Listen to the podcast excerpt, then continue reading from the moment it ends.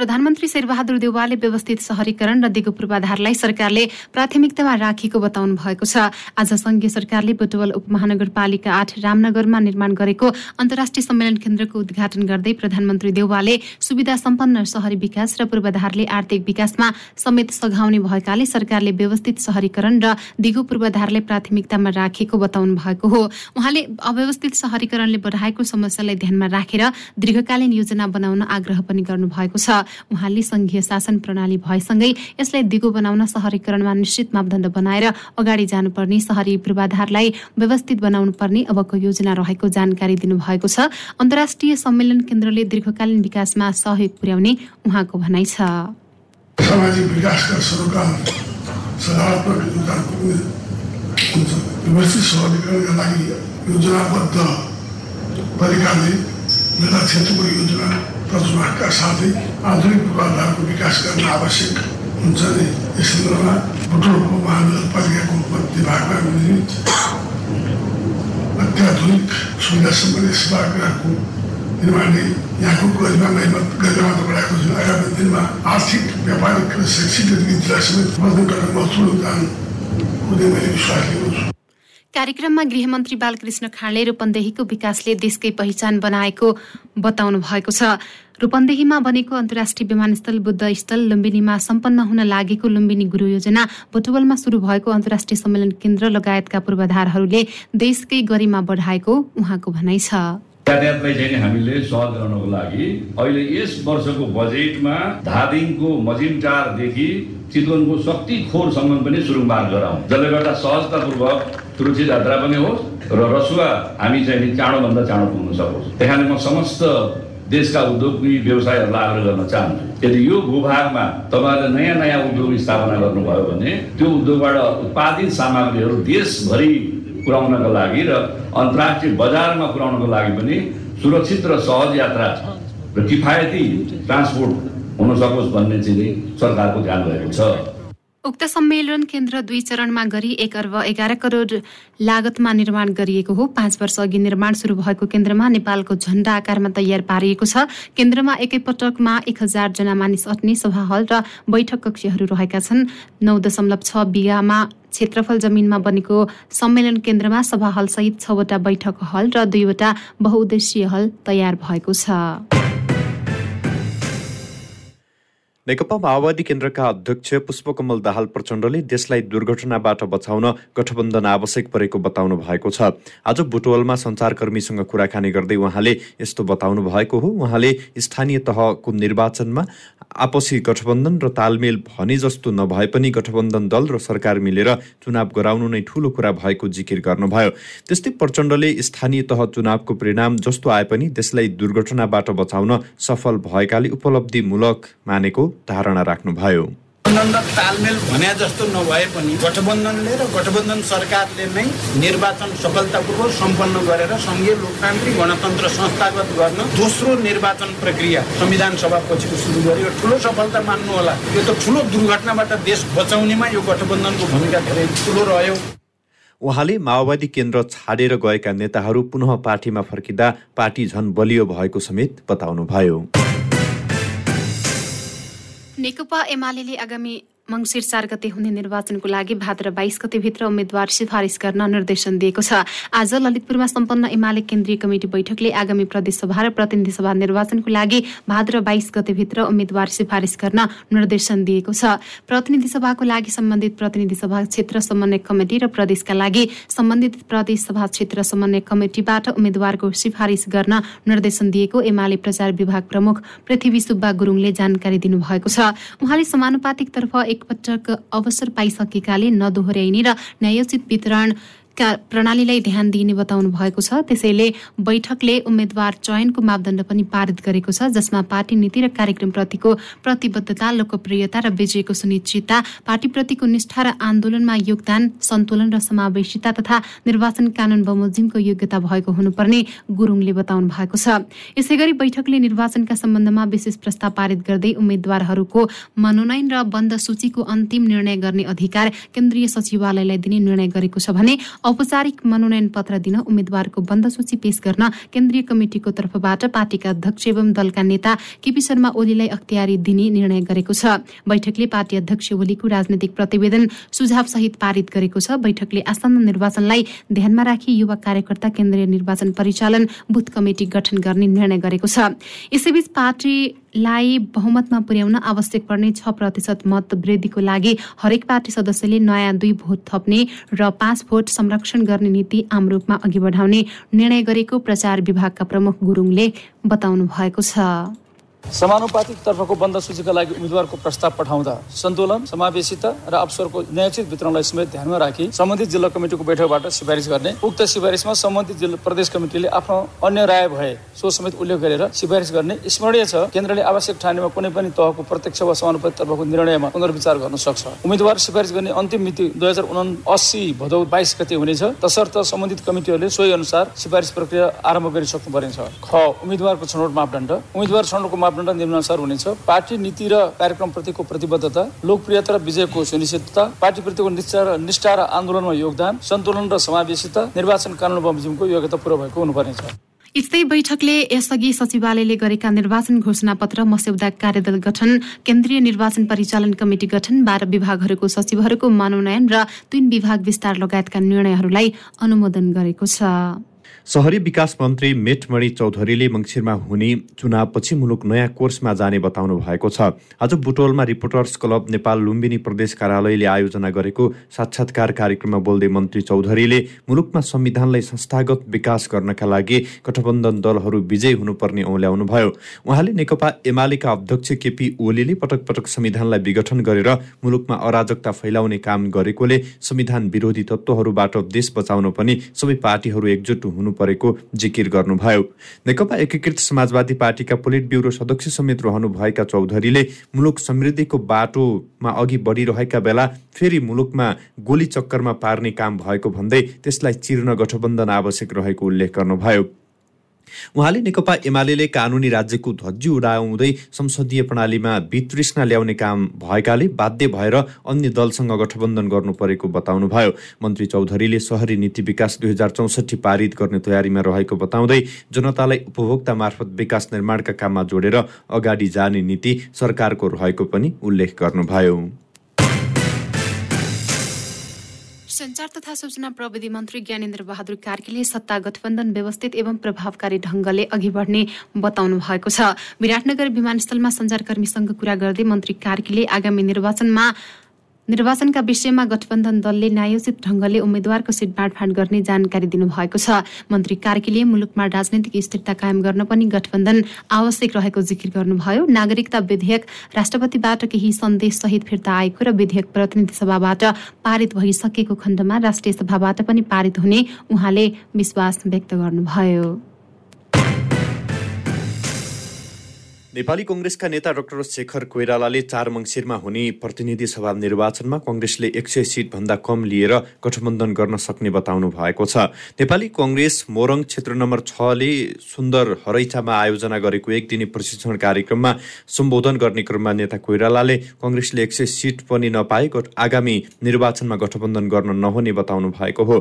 अहिलेको अवस्थामा गठबन्धन स्वीकारेर निर्वाचनमा जानुपर्ने बाध्यता भए पनि उहाँले सिट सङ्ख्या एक सयबाट घटाउन नसकिने बताउनु भएको छ। काठमाडौँ महानगरपालिकाले पनि अवैध संरचना भत्काउने क्रम जारी राखेको छ। महानगरले आज वनस्थली स्थित ढुङ्गे धाराबाट नक्सा पास नगरी बनाएका संरचनाहरूमा डोजर चलाउने काम सुरु गरेको हो। नक्सा पास नगरी बनाइएका ती संरचना महानगरले डोजर प्रयोग गरी भत्काउन थालेको हो। वनस्थली चोकबाट ढुङ्गे धारा जानेतर्फ रहेको अनधिकृत घर टोहरा महानगरले भत्काउन थालेको महानगरपालिकाले जानकारी दिएको छ। अवैध संरचना भत्काउन महानगर प्रहरी प्रमुख राजु पाण्डेको नेतृत्वमा टोली खटिएको थियो। महानगरले यसअघि पैँतिस दिनभित्र अवैध संरचना हटाउनु भनी सार्वजनिक सूचना जारी गरेको भए पनि अटेरी गरी गरेपछि आफैले डोजर चला लगाएर हटाउन सुरु गरिएको हो।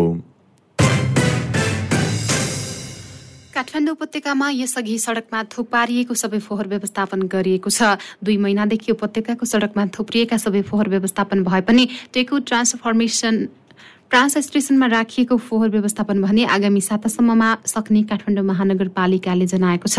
काठमाडौँ महानगरपालिका वातावरण विभाग प्रमुख सरिता राईले सडकमा यत्र त्यत्र रहेको सबै फोहोर व्यवस्थापन भइसकेको र यदि कतै फोहोर व्यवस्थापन हुन बाँकी भएको पाइए महानगरलाई जानकारी दिन नागरिकलाई आग्रह गर्नुभएको छ। यसअघिको फोहोर व्यवस्थापन गर्नुपर्ने भएकाले अहिले साबिकभन्दा बढी दैनिक तीन सय गाडी फोहोर अन्तिम व्यवस्थापनको लागि पन्सरी डाँडा लैजाने गरिएको छ। यही हिसाबमा व्यवस्थापनको काम भए र बीचमा केही समस्या नआए आगामी सातासम्ममा टेकुमा थुपारिएको फोहोरको पनि अन्तिम व्यवस्थापन कार्य हुने उहाँ विभागले जनाएको छ। केही दिन अघि काठमाडौँ महानगरपालिकाका प्रमुख बालेन्द्र शाहले फोहोर व्यवस्थापन कार्यमा सहभागी निजी कम्पनीलाई एक साताभित्र सबै फोहोर व्यवस्थापन गर्न निर्देशन दिनुभएको थियो।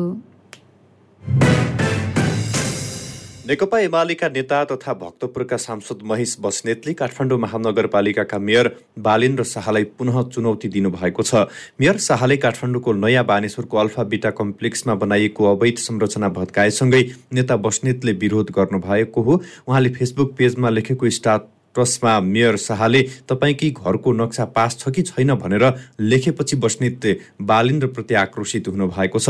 उहाँले सामाजिक सञ्जालबाट पटक पटक मेयर शाहको आलोचना गर्नुभएको छ। आज भक्तपुरमा भएको एक कार्यक्रममा पनि एमालेका नेता महेश बस्नेतले मेयर बालेन्द्र शाहप्रति आक्रोश पोख्नु भएको हो।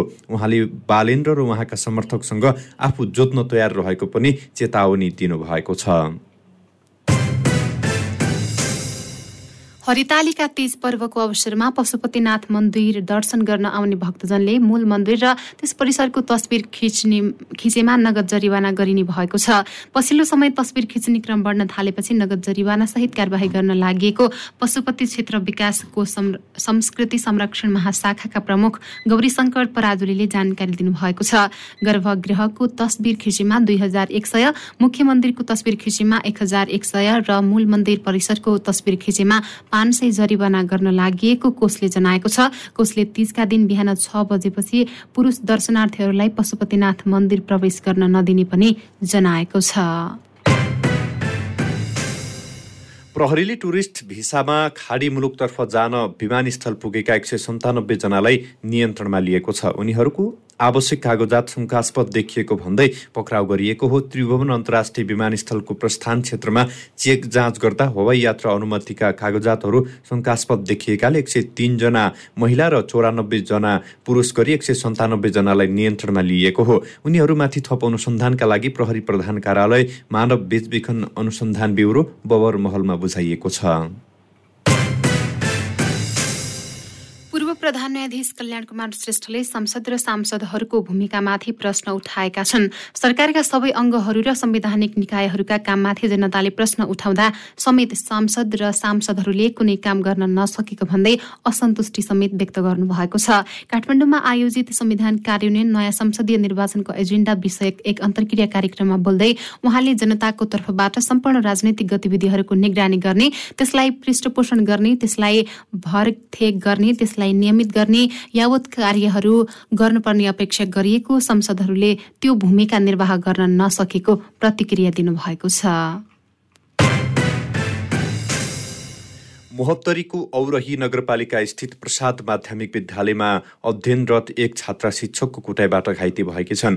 कक्षा छमा पढ्ने आरती कुमारी महरालाई गृह कार्य नगरेको भन्दै शिक्षकले निर्ममतापूर्वक बाँसको लट्ठीले हानेर घाइते बनाएको खोलेको छ। छात्राको अहिले अस्पतालमा उपचार भइरहेको छ। कक्षा छ विज्ञान विषयका शिक्षक दिपेश यादवले गृह कार्य नगरेको भन्दै उनीमाथि निर्घात कुटपिट गरेको परिवारले आरोप लगाएका छन्।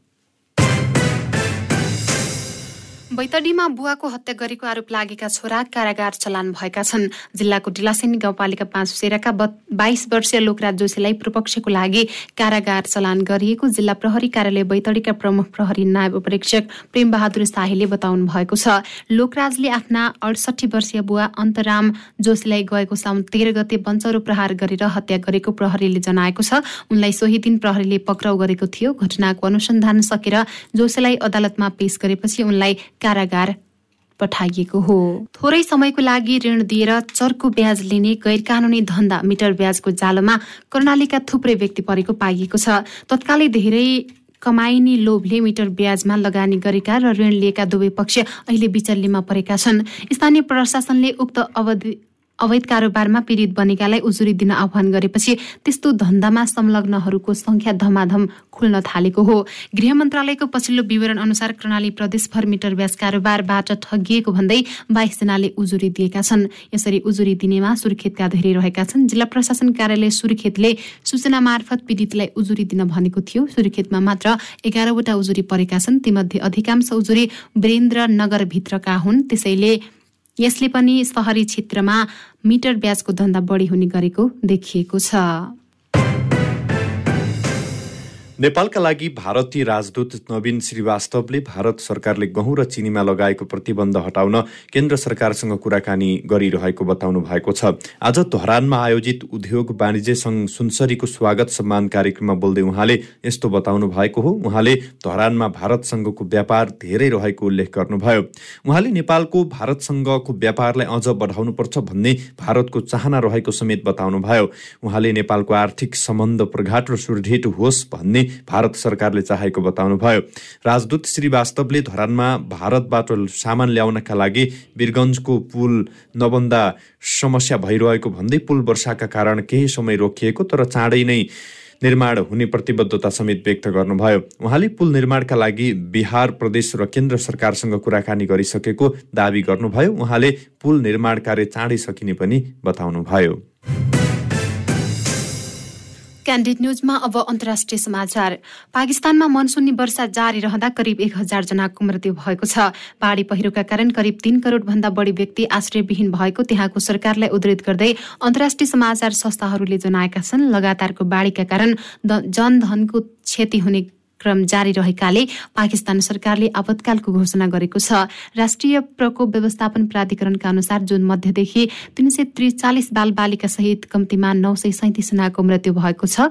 बलुचिस्तानको दक्षिण पश्चिमी प्रान्तको ठूलो क्षेत्र जलमग्न भएको छ। सो क्षेत्रमा सन् दुई हजार दसमा पनि अत्याधिक वर्षाका कारण ठूलो जनधनको क्षति भएको थियो। उक्त समयमा बलुचिस्तान र दक्षिण सिन्ध प्रान्तमा पाँच सय चालिस जनाको मृत्यु भएको थियो। प्रधानमन्त्री शाहबाज शरीफले दशक सकौँको सबैभन्दा खराब बाढीका कारण ठूलो जनधनको क्षति भएकाले मित्र राष्ट्र र अन्तर्राष्ट्रिय संघ संस्थाहरूसँग सहयोगको अपिल गर्नुभएको छ। मुलुकमा आपतकालको घोषणा गरिएकाले आफ्नो बेलायत भ्रमण पनि स्थगित भएको शरीफले बताउनुभयो।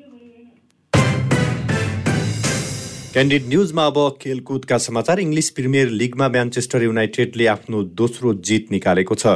साउथ ह्याम्पटनको गृह मैदान सेन्ट मेरिज स्टेडियममा आज भएको खेलमा म्यान्चेस्टरले घरेलु टोलीलाई एक शून्य गोलले पराजित गरेको हो। म्यान्चेस्टरका लागि ब्रुनो फर्नान्डेजले गरेको गोल नै निर्णायक बनेको हो। खेलको पचपन्नौ मिनटमा फर्नान्डेजले गोल गर्दै म्यान्चेस्टरलाई अग्रता दिलाएका हुन्। यसअघिको लिभरपुल विरुद्धको खेलमा मैदान प्रवेश नगरेका क्रिस्टियानो रोनाल्डोले पनि आज सहभागिता जनाएका थिए। साथै रियल मर्डिटका पूर्व डिफेन्सिभ मिडफिल्डर क्यासमिरोनले पनि आज म्यान्चेस्टरका लागि डेब्यू गरे। त्यस्तै लिगमा ब्रेडफोर्ड र Everton Brighton and Hove Albion र लिड्स युनाइटेड चेल्सी र लेस्टर सिटी लिभरपुल र एएफसी ब्रोनमाउथ म्यान्चेस्टर सिटी र क्रिस्टल प्यालिस राति पाउने आठ बजे आमन्य सामन्य हुनेछन्। आर्सनल र फुल ह्याम बीच खेल भने राति सुवा दस बजे हुने भएको छ। नेपाल क्रिकेट संघ क्यानले नेपाल टी ट्वेन्टीको लागि खेलाडी दर्ता खुला गरेको छ। क्यानले आज सामाजिक सञ्जाल मार्फत खेलाडी दर्ता खुला भएको जानकारी दिएको हो। क्यानले खेलाडी दर्ताको लागि चार मापदण्ड राखेको छ। दर्ताको लागि राष्ट्रिय खेलकुद प्रधानमन्त्री कप मेयर कपमा सहभागी भएको हुनुपर्ने र सन् दुई हजार अठारदेखि औसतभन्दा माथिको प्रदर्शन गरेको हुनुपर्ने नेपाली अन्डर नाइन्टिन राष्ट्रिय टिमबाट अन्तर्राष्ट्रिय प्रतियोगिता र श्रृङ्खलामा प्रतिनिधित्व गरेको हुनुपर्ने सन् दुई हजार अठारदेखि सिनियर टिममा अन्तर्राष्ट्रिय प्रतियोगितामा सहभागी खेलाडीलाई प्राथमिकतामा राखिने र सन् दुई हजार अठार यता विभिन्न फ्रेन्चाइज प्रतियोगिताहरूमा सहभागी खेलाडीहरूलाई प्राथमिकतामा राखिने क्यानले जनाएको छ। क्यानले खेलाडी दर्ताको लागि अगस्त एकतिससम्मको समय दिएको छ। असोज आठ गतेदेखि कार्तिक पाँच गतेसम्म चल्ने नेपाल टी ट्वेन्टी क्यानको आधिकारिक प्रतियोगिता हो। यसमा नेपालका विभिन्न छ सहरका छ फ्रेन्चाइज टिमले प्रतिस्पर्धा गर्नेछन्। महिला साफ च्याम्पियनसिपका लागि अखिल नेपाल फुटबल सङ्घ एन्फाले टिमको घोषणा गरेको छ। मुख्य प्रशिक्षक कुमार थापाले महिला साफ च्याम्पियनसिपका लागि तेइस सदस्यीय राष्ट्रिय महिला टिमको घोषणा गर्नुभएको हो। साफ महिला च्याम्पियनसिप भदौ एघार गतेदेखि असोज तिन गतेसम्म दशरथ भदौ एक्काइस गतेदेखि असोज तिन गतेसम्म दशरथ रङ्गशाला काठमाडौँमा हुँदैछ। समूह बीमा रहेको नेपालसँगै भुटान र श्रीलङ्का रहेका छन्। नेपालले भदौ एक्काइस गते भुटानसँग भदौ अठाइस गते श्रीलङ्कासँग खेल्ने भएको छ। त्यस्तै समूह एमा साबिक विजेता भारत मालदिप्स बङ्गलादेश र पाकिस्तान रहेको छन्। दुवै समूहका शीर्ष दुई टोली सेमी फाइनलमा पुग्नेछन्